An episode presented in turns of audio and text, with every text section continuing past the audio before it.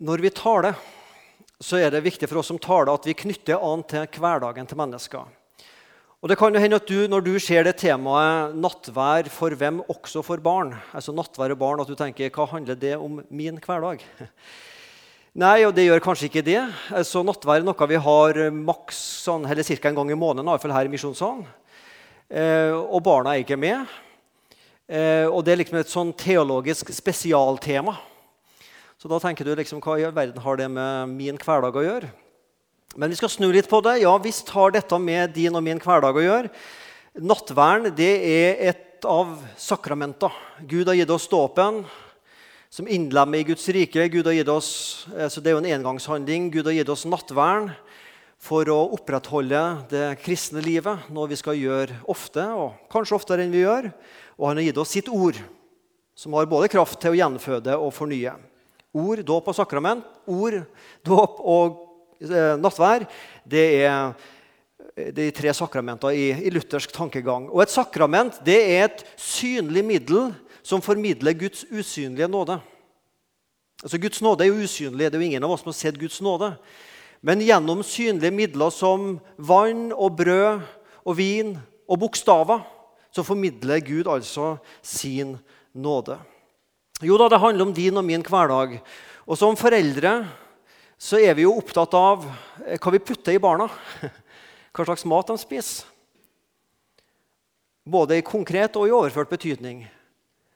Og det med barn og nattvær det er også en del av trosopplæringa å lære barnet selv å be og bruke Herrens nattvær.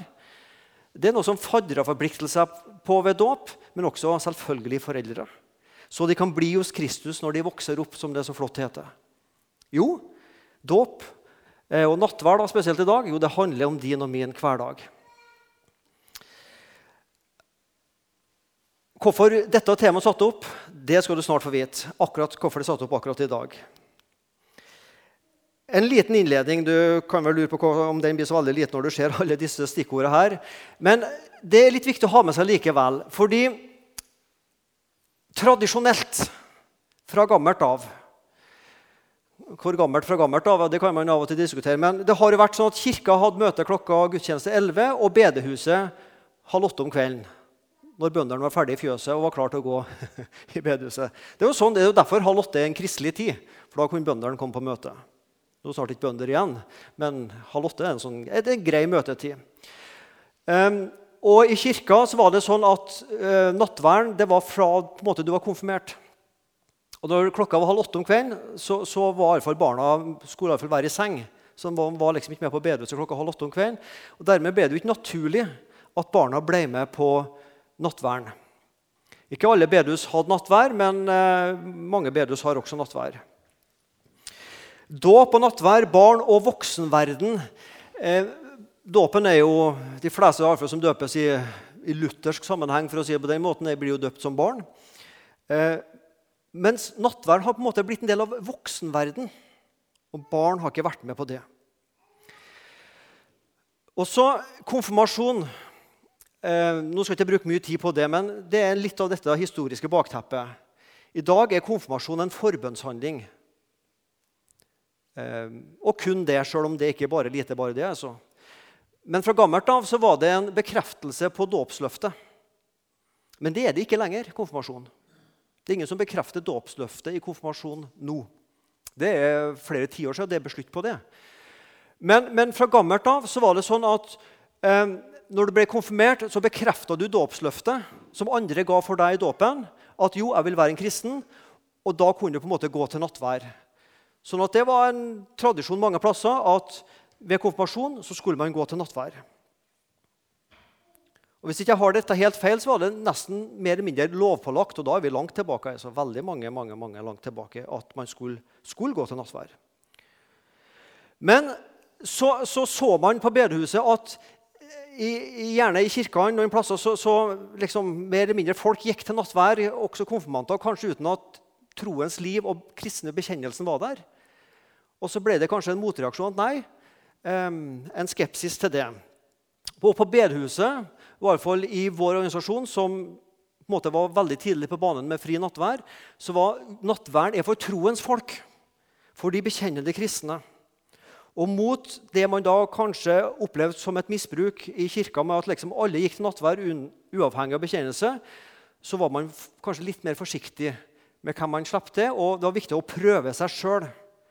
For den som eter og drikker, han eter og drikker seg selv til doms dersom han ikke akter på Herrens legeme, som det står i 1. Korinterbrev. Og så har det vært en utvikling i Den norske kirke med barn og nattvær de siste 40 åra at um, i dag er det veldig normalt at barn er med til nattvær. Og så er det dette med å skjelne og forstå. Eh, kan et barn være med til nattvær når de ikke liksom vet forskjellen på en brød og Jesu legeme og et glass med rød, det, er det som ser ut som rød saft, og, og Jesu blod? Hvordan er det med det? Hvor mye må man forstå og skjelne før man kan gå til nattvær? Og så har jeg skrevet et uttrykk der i anførselstegn vi har ikke tradisjon for. Det er et sånt uttrykk vi i kanskje i vår misjon av og til bruker. Vi har ikke tradisjon for. Og Det er ikke min mening å si at det er et feil begrep, for det kan av og til være et veldig godt begrep at vi ikke har tradisjon for. Det er ganske sannsynlig for at Jesus og disiplene hadde alkohol i nattverdvien. Men vi har ikke tradisjon for å ha alkohol i nattverdvien. Og det er en god grunn til at vi ikke har tradisjon for det. Fra gammelt av så, så brukte man spesielt i kirka å ha skriftemål foran nattverden. At du skulle gå til presten og mer eller mindre bekjenne din synd eller alminnelig skriftemål, og så nattvær. Og Så ble dette med synsbekjennelse og nattvær knytta så sterkt sammen at ikke minst i Kina Misjonsforbundet, som kjempa fram fri nattvær, så sa man nei. Vi må ikke ha den bindinga der. Så hos oss så har vi ikke tradisjon for å ha skriftemål i forbindelse med nattvær. Vi har heller ikke tradisjon for at vi dypper brødet i nattværen, og du får med maks en halv dråpe. Og jeg mener Det er gode grunner for å ikke ha den tradisjonen. Men så har vi heller ikke tradisjon for å ha med barn. Og så må vi spørre oss har vi gode, altså er det en god tradisjon, eller må vi snu på den. Og Det er det litt jeg skal snakke om i dag. Fri nattvær, som jeg sa. Eh, Kina Misjonsforbundet det som er misjonssambandet i dag, var veldig tidlig ut med det her med å ha fri nattvær uavhengig av prest. Nattværen er gitt til troens folk, og troens folk kan dele nattværen sjøl om ikke en prest eller en forsamlingsleder som er til stede, som leder nattværen. Vi er alle prester og kan dele også nattværen. Og så har det også vært litt sånn spenninger med hvordan. Skal vi sitte, eller skal vi stå, eller skal vi gå? Hvem skal lede? Skal det være en prest, eller skal det være hvem som helst? Um, skal nattværfeiringa være fylt av glede, eller skal det være litt alvor over det? Hva slags alder skal det være på dem som kommer fram? Så er det opp, tenk, hva tenker vi om barn, f.eks.? En del spenninger der. I, for en to til tre år siden så fikk jeg spørsmål fra sporeledergruppa som var da for uh, tidligere. Uh, som begynte å få en del barn etter hvert, som begynte å komme litt opp i åra barna. Uh, hvordan tenker vi i Misjonssalen om å ha med barn til nattvær? Svein Anton spurte meg.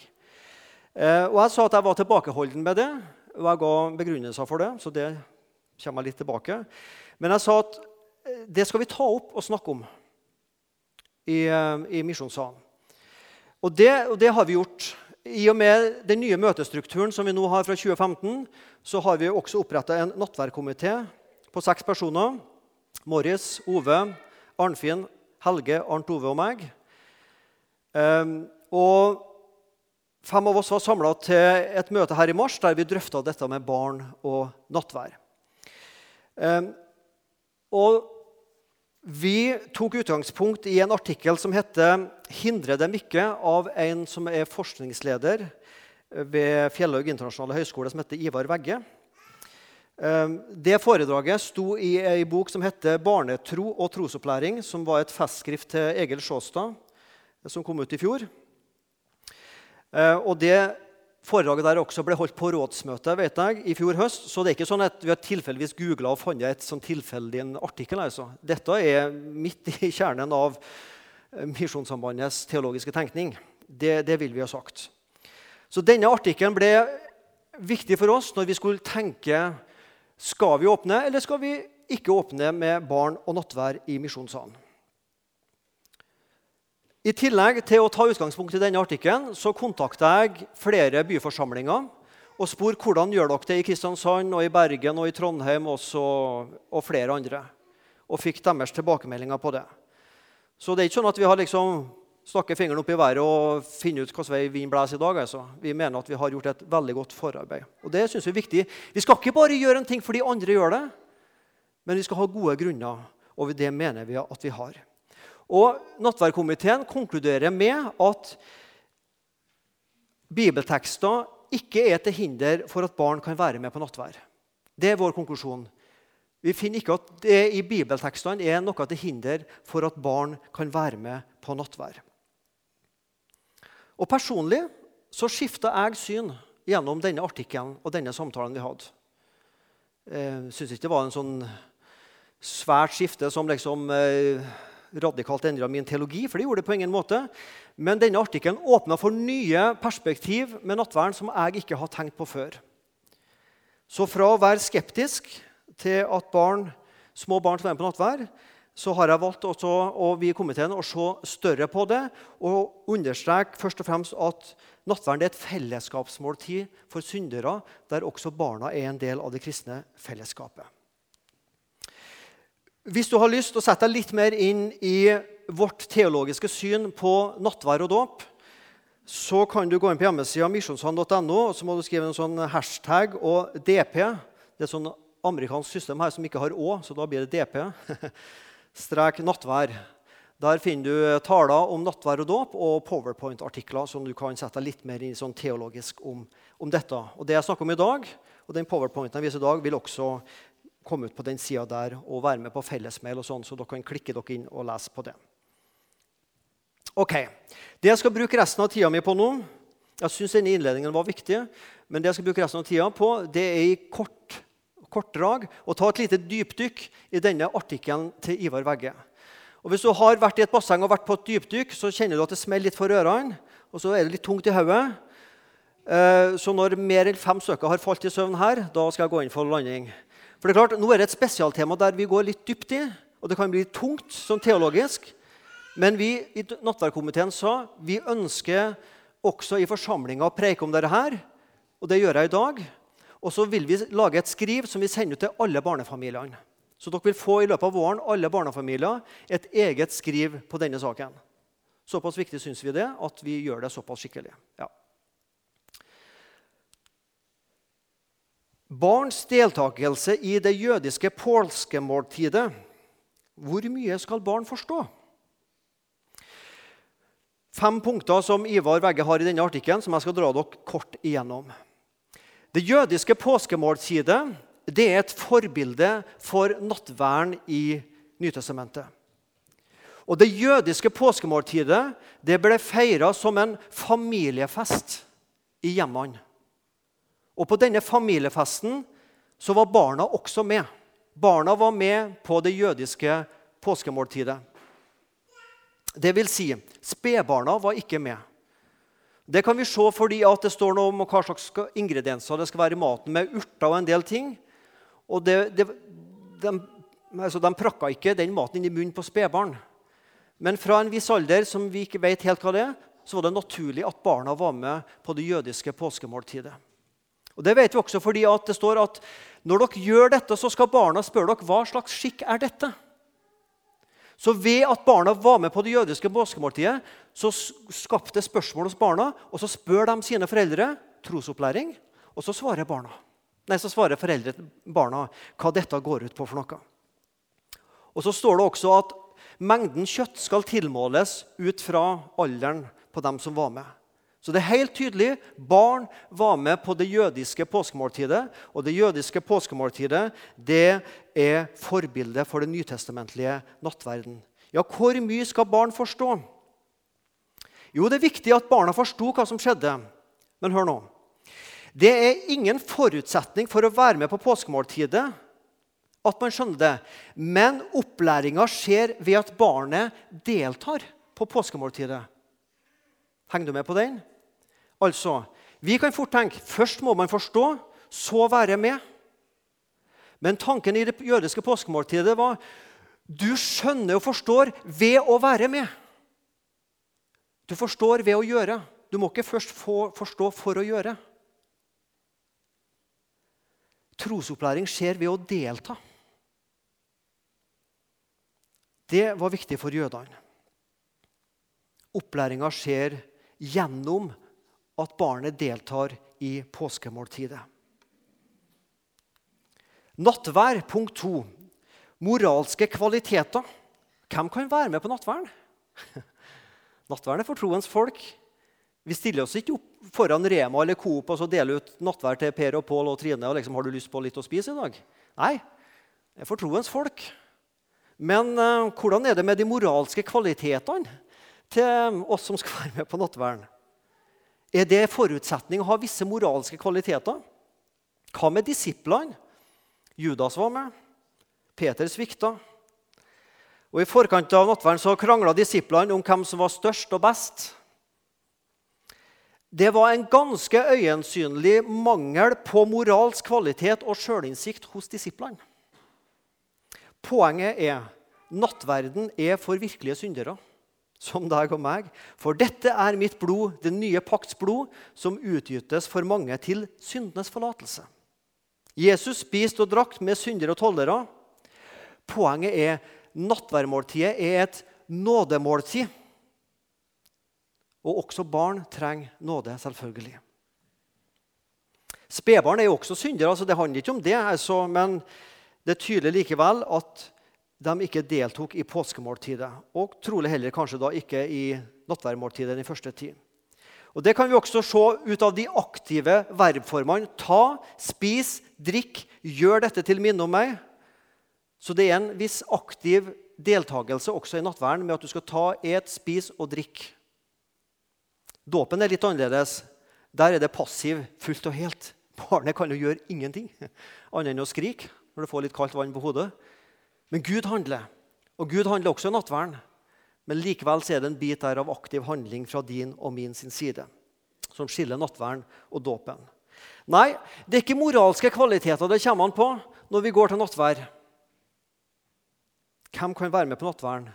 Syndere som trenger nåde, er invitert til nattverden. Troens folk.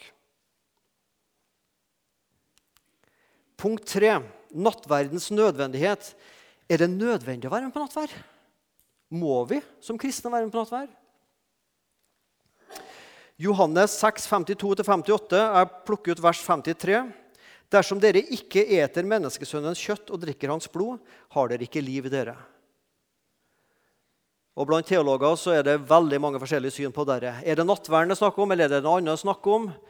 Hva er dette her? Men vi tror som lutherske kristne for å si det på den måten, at her er det nattvær, men det er også mer enn nattværen det er snakk om. Men det er også nattvær. Dersom dere ikke eter menneskesønnens kjøtt og drikker hans blod, har dere ikke liv i dere. Betyr det at hvis du ikke deltar på nattverden, så har du ikke Guds liv i det? Nei, det er ikke det det betyr. Men det sier noe om viktigheten for oss som troende å delta også i nattverden. Det er ikke sånn at Hvis vi ikke deltar, så går vi fortapt. Men nattverden er en gave. Den er ikke et krav. Nattverdens nødvendighet for syndere, også for barn. Og Så kommer det et litt vanskelig uttrykk her. Å komme til nattverden med en holdning av åndelig arroganse. Det er et uttrykk som han bruker i denne artikkelen. Må vi ikke alle prøve oss sjøl? Har barna innsikt nok til å prøve sin egen tro? Det står det om i forbindelse med nattverden. Om å prøve seg sjøl. Har et barn den nødvendige innsikten i troslivet til å prøve seg sjøl? Første Korinterne 10 og 11 er nattværkapitler. Spesielt kapittel 11 er, står det mye om nattvær. Men i kapittel 10 så skriver Paulus til korinterne, fra vers 14 til 17.: Derfor, mine kjære, hold dere langt borte fra avgudsdyrkelsen. Jeg taler til dere som til forstandige mennesker. Bedøm selv det som jeg sier. Velsignelsens beger som vi velsigner, gir det ikke del i Kristi blod. Brødet som vi bryter, gir det ikke del i Kristi kropp. Fordi det er ett brød, er vi alle én kropp, for vi har alle del i det ene brød. Nå begynner vi veldig på dypdykk her, så heng med, så skal jeg se etter hvert hvor mange som, som det. Um, Vi, når Paulus skriver, så starter ikke han å skrive kapittel 1. Kapittel 2, tema prikk, prikk, prikk. Kapittel 3, tema prikk, prikk, prikk. Dette med kapittel og vers har kommet til senere. Det var ikke Paulus som fant på. Det kom senere. Så vi må se en hel sammenheng her. Kapittel 10 og kapittel 11 står veldig i sammenheng. Ja, Hele første Korinterbrev gjør jo det, men spesielt kapittel 10 og 11. Og Det som er bakteppet, er i Korint så var det noen kristne som tenkte sånn at vi har en spesiell kunnskap som ikke alle andre kristne har. Og Den kunnskapen gjør at vi kan delta både på hedenske offerfester, og samtidig så kan vi gå til Herrens nattvær og være med da på nattværfeiringa. Altså For å bruke sånn et gammelt uttrykk én fot i begge leirene. ikke sant? Jeg vil være med både på de hedenske offerfestene, der man spiser kjøtt som er ofra til avgudene, og så Rett etterpå så kan jeg gå og være med på nattverden sammen med de troende. Og så advarer Paulus her i kapittel 10 og 11, og spesielt i kapittel 10 så viser han tilbake til Israel. Alle sammen ble med ut av Egypt, men mange fikk dommen over seg. For de levde ikke med Gud. Pass på sånn at det ikke skjer med dere som det skjedde med israelsfolket i ørkenen. Må ikke alle av oss prøve oss sjøl? Har barn nok innsikt til å prøve sin egen tro? Kan vi som kristne spise kjøtt som har vært brukt i hedenske offerhandlinger? Det var en aktuell problemstilling i Korint. Den er på ingen måte aktuell i Sandnes 2015. Akkurat den problemstillinga er ikke det. Og Så kobler Paulus det her sammen med nattverdmåltidet. Og så må han irettesette disse kristne som mener at de har en egen kunnskap som gjør at vi, kan, vi har lov til å være med på disse hedenske offerfestene der man bruker dette og spiser dette offerkjøttet. Og så kan vi gå til nattverden etterpå. Ingen problem. Vi har en spesiell kunnskap som gir oss mulighet til det. Og så bruker ikke akkurat Paulus uttrykket 'åndelige arrogante', men, men den brukes i denne artikkelen. Det var noen som mente at man var liksom litt bedre enn de andre kristne, så man tillot seg litt mer. Og så må Paulus irettesette dem og si dere må prøve dere sjøl. Livet deres, holdningene deres til Gud og til de andre kristne før dere går til nattverden. Dere må prøve holdningene deres. For man kom til nattverden Nå spiser vi en kjeks og drikker litt vin eller litt saft. Den gangen så spiste man mat eh, sammen, kveldsmat eller hva vi skal kalle det, jeg vet ikke hva det heter den gangen, jeg, før man delte nattverden. Og De rike hadde med seg mye mat og et svært måltid og kosa seg. Og de fattige menighetene hadde nesten ingen mat. Og så I da dette måltidet så ble det stor forskjell på de rike og de fattige. Og Så gikk dette liksom over i nattverdmåltidet. Og så ble det en splittelse i menigheten mellom de rike som hadde mye mat og drikke, og de fattige som nesten hadde ingenting. Ser du at De sosiale forholdene er nok veldig forskjellige fra Sandnes 2015. Men dette er bakteppet hvorfor Paulus skriver.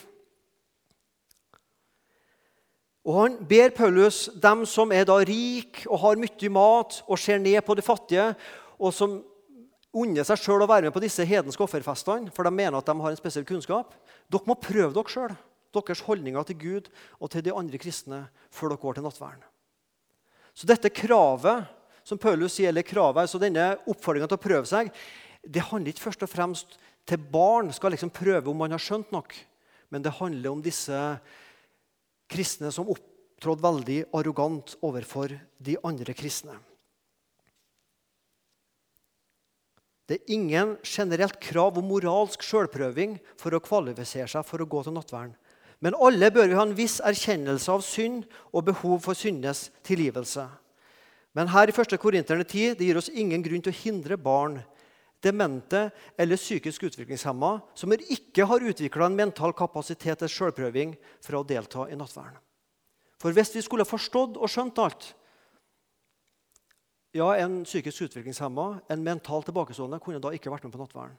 Hvor mye forstår han eller hun av det?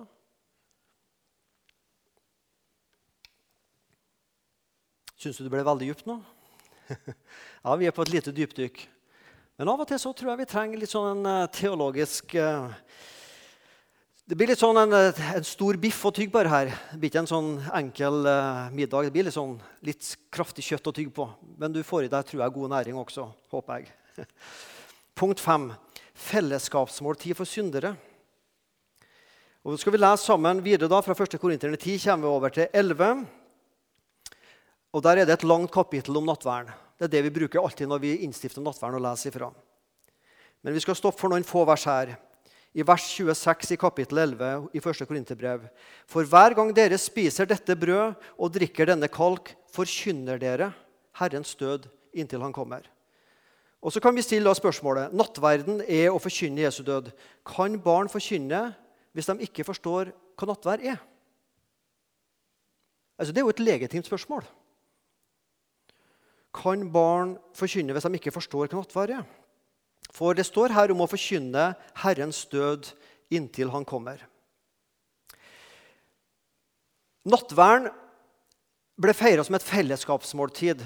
Og som jeg sa, Det var en fare for oppsplittelse, deling i menigheter mellom rike og fattige, folk som mente de hadde ekstra åndelig kunnskap, og de, og de andre. Når, da, når, dere da kommer sammen, står det i vers 20-22 Når dere da kommer sammen og er samlet, så er det ikke Herrens måltid dere holder. For når dere spiser, holder hver og en av dere måltid for seg selv. Den ene er sulten, den andre drikker seg full. Har dere ikke hus så dere kan spise og drikke hjemme?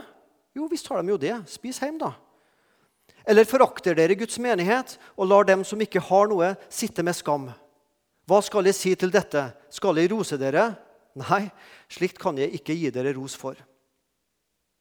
Så nattverdmåltidet hadde utvikla seg i Korinta til å bli noe mer enn å vise enhet og fellesskap. Det hadde blitt uttrykk for splittelse og sjølhevdelse.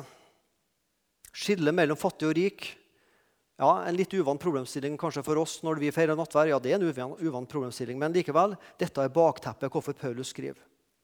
Og så var det dette med å forkynne. Og Når du og jeg hører ordet 'forkynne', så tenker vi muntlig forkynnelse, sånn som jeg står og snakker nå. Og det er det jo. Det er forkynnelse. Det interessante her det er for hver gang dere spiser og dette brød og drikker denne kalk, da forkynner dere Herrens død helt til han kommer. Det står ikke hver gang dere spiser dette brød, husk på at dere også må ha forkynnelse. Jo, jo, jo, jo. Men når dere spiser og drikker, da forkynner dere. Altså, med måten dere gjør det på, så forkynner dere at Herren Jesus Kristus er død. Så når vi sender brød og vin til hverandre og sier til hverandre dette er Jesu legeme, dette er Jesu blod, så forkynner vi for hverandre, men også med måten vi gjør det på, at vi viser at vi har det likt. Han er død for alle. Dette er et fellesskapsmåltid.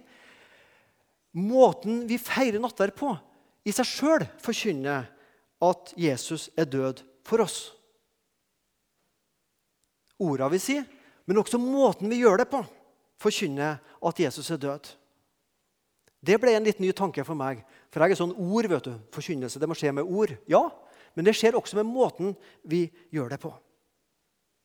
Når barn er med på nattvær, så forkynner vi også at Guds nåde er for barna. Og Så står det litt videre i denne 1. Korinteren 11. Den som spiser brødet og drikker av Herrens beger på urett vis, står det i nye oversettelser. I Norsk bibel 88 som jeg bruker, så står det 'uverdig' på en uverdig måte. Gjør, gjør derfor urett mot Herrens kropp og blod. Enhver må prøve seg selv, og så spise av brødet og drikke av begeret. For hver den som spiser og drikker uten å tenke på at det er Herrens kropp, spiser og drikker seg selv til doms. Her har jeg satt strek under urettvis eller uverdig, og det å prøve seg selv og tenke på hva det her egentlig er. Um, ad, um,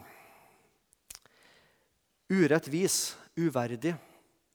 Denne, denne oversettelsen urettvis får mer fram på hva det egentlig handler om. Fordi når vi hører ordet 'uverdig', så er det vi fleste av oss som skapte at da tenker vi ja, jeg er uverdig. Og det er jo sant. Ingen av oss som er verdig. Det er jo ikke verdighet det kommer an på. Vi er jo syndere som det det er jo ikke fordi jeg har vært flink som en kristen at jeg kan gå til nattverden. Men akkurat dette ordet 'uverdig' Jeg vet ikke om du blir veldig glad for grammatikk, men jeg eh, sier halleluja for at det er et adverb og ikke et adjektiv. Du med på den? Tenk hvis uverdig var et adjektiv, at det handla om uverdige personer. Uverdige personer får ikke til nattverd. Nei, da var det et adjektiv, men det er et adverb. Det handler om å feire nattverden på en uverdig måte. Det er det Paulus advarer mot. Ikke mot å være uverdig til å gå til nattvær. Det er ikke persons uverdighet, men det er måten man feirer på, som ble uverdig. Så halleluja at det er et adverb og ikke et adjektiv. ja, det er godt. Uh, ja, men det er viktig. Tenk hvis det var deg og meg som ikke var verdig. At vi satt der og tenkte nei, jeg kan ikke gå til nattverd i dag, for jeg, jeg, hadde noen stygge tanker i går kveld, og de var der i morges også, så i dag kan jeg ikke gå. Det høres som jeg karikerer litt nå, men, men det har gjort at mange har blitt sittende når man skulle ha gått til nattverden, for man tenkte man er ikke verdig nok som kristen. Nei, det er måten vi deler nattverden på, som skal være verdig. Ikke deg og min verdighet. Iallfall ikke min. Paulus ber de kristne i Korint om å prøve seg sjøl. Så tenker han her på å spise og drikke på en uverdig måte. At de må prøve sine egne holdninger før de går til Herres nattvær. Herrens måltid kan ikke kombineres med åndelig arroganse og synd. Det er ikke barna eller andre mennesker med nedsatt sjølinnsikt som er adressaten for formaninga om å prøve seg sjøl. Det er dem som feirer nattverden på en uverdig måte. Men også barna må lære at synd og tilgivelse hører sammen med nattverden. Og Det er foreldres oppgave primært å undervise deres barn om det. Gjerne at dere nevner det og tar en prat om det før dere tar med barna til nattverd første gangen. Men barna må ikke ha en full klarhet i alle saker omkring nattverden før de blir med til nattverden. Hvis vi skulle hatt en full klarhet om det, hvem av oss voksne ville da våget fram til nattverden? Hvis vi skulle hatt en full klarhet? Jeg vet ganske mye om nattverden. Jeg er jo betalt for å vite en del om det også. Men, men hvis jeg skulle ha visst alt og skjønt alt Jeg tror til og med ikke jeg har tort meg fram til nattverden. Nattverd for hvem? Er det også for barn? Ja, Vi tenker med bakgrunn at jødenes påskemåltid også var for barn. Spedbarna var nok ikke med. Så, så, er det naturlig å tenke at det tok man med seg når man, det jødiske påskemåltidet ble et forbilde for den kristne nattverdfeiringa. Nattverden handler ikke om moralske kvaliteter eller intellektuell forståelse. Og Det var mitt punkt, som jeg i utgangspunktet har vært veldig skeptisk til barn nattverd. For det har meg så har det vært veldig på dette. Man må forstå hva dette er før man er med. Ja, i en viss grad. Men forståelsen kommer ved å delta. Forståelsen er ingen forutsetning, men forståelsen kommer ved at du er med på nattverden. Så kan, barna, så kan foreldre ta en prat med barna om dette her, og så øker forståelsen og trosopplæringa. Denne advarselen om å prøve seg sjøl handler ikke primært om barn og barns forståelse, men det handler om voksne i Korint som feirer nattverden på en uverdig måte. Nattverden den gir syndenes tilgivelse, og det vet vi også at det trenger barn. Nattverden er en gave, den mottas i tro. Og Jesus løfter jo mange ganger fram barns tro som et forbilde for oss voksne. Nattverden er et fellesskapsmåltid for troens folk. Og ved å utelukke barna fra nattverden kan vi da for å stille et litt retorisk spørsmål, stå i fare for at vi nesten utelukker barna fra troens folk. Er det en nedre aldersgrense den er umulig å sette. Det er et skjønnsspørsmål, som det er så fint heter. Det må dere som foreldre avgjøre når barna blir med til nattvær. Eh, og når, I den runden vi tok med de andre byforsamlingene, så, så var det tydelig altså Alle dem vi snakka med, hadde praktisert at barn ble med til nattvær.